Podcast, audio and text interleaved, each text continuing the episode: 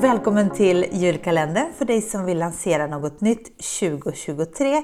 Och vid mikrofonen som vanligt Magdalena Bibik. Det här är dagens lucka är rolig för den handlar om distinktionen mellan guide och hjälte.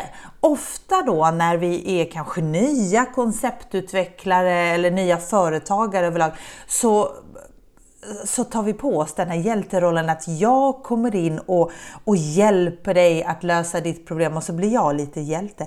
Allt eftersom man får erfarenhet, upplever jag, um, allt eftersom man möter kunder och, och får liksom lite, ja men du vet, kött på benen, så ändras ens egen hjälteroll till någon form av guide-roll. Man blir liksom en guide och då gör man kunden till hjälte. Och det är liksom där skiftet sker det, det, är där som liksom lite grann framgången kommer. Så ju närmare, ju fortare man förstår att man själv är guide och det är kunden som är hjälte, desto bättre. Och det är därför vi pratar om det i den här julkalendern. Och, och jag pratar om det jättemycket med mina kunder på Nyföretagarcentrum, att det, det, är de som ska vara guide och det är kunden som ska vara hjälte. Och jag ska förklara.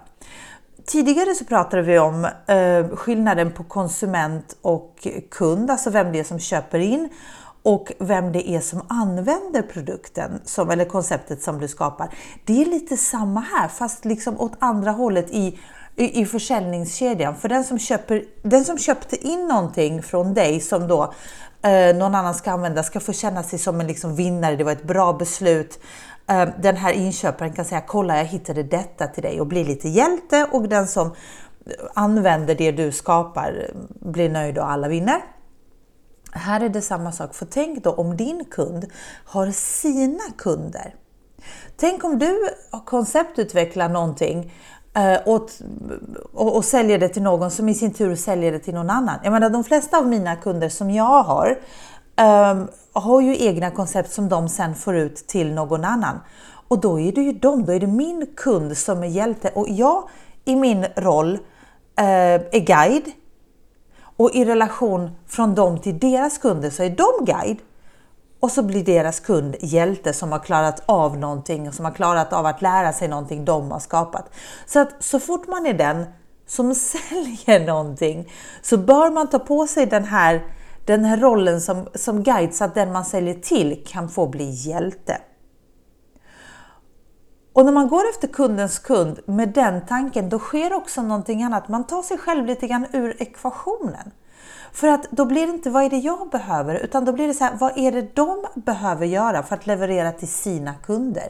Och per automatik så hamnar man i ett fokus som är helt rätt för konceptutveckling. För att jag, jag utvecklar ju ingenting för min egen skull, utan om jag utvecklar någonting för min kund så är det just för deras skull, att de ska lyckas med sina respektive kunder. Och något av det bästa som man kan göra i början av en konceptutveckling, när, när man har en, en, målgrupp som man själv ska sälja till, det är att försöka förstå deras målgrupp. Prata med dem om deras kunder. Och när du pratar med en tilltänkt kund om deras kunder, då skapar du en fantastisk relation med med, med, din kund där de känner att ja, men de har dig med på båten. De är liksom, du är i deras ringhörna. Det är, du, du har det konceptet ni, som de gör, gör ju ni tillsammans. Om de tänker att Nej, men, åh, den här personen är med. Så, och, och något av de bästa sätten att lära känna din kund, det är att be dem att berätta om sin kund. För de kommer säga saker till dig som du kanske inte själv hade kommit på.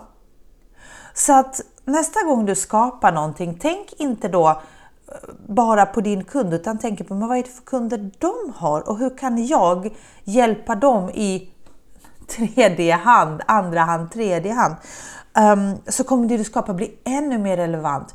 Och när du sen säljer in det, vilket är superviktigt, när du ska sälja in ditt koncept till någon som har kunder och du berättar för dem att du, jag har ju förstått att dina kunder är på det här sättet. Fattar du vad mycket, vad, vad mycket gratis vad, vad mycket jobb du redan har gjort åt dem om du har lärt dig deras kunder. Jag menar, då är ju sannolikheten gigantiskt mycket större att ditt koncept leder till affärer. Jag hoppas att det här gav dig insikter. Jag gillar att prata om det här. Jag gör det gärna. Jag gör det mer i The Blueprint. Eh, jag gör det när jag coachar så att det här är ett sånt här favoritämne. Imorgon kommer ett annat favoritämne och det är kundresan. Jag hoppas att vi hörs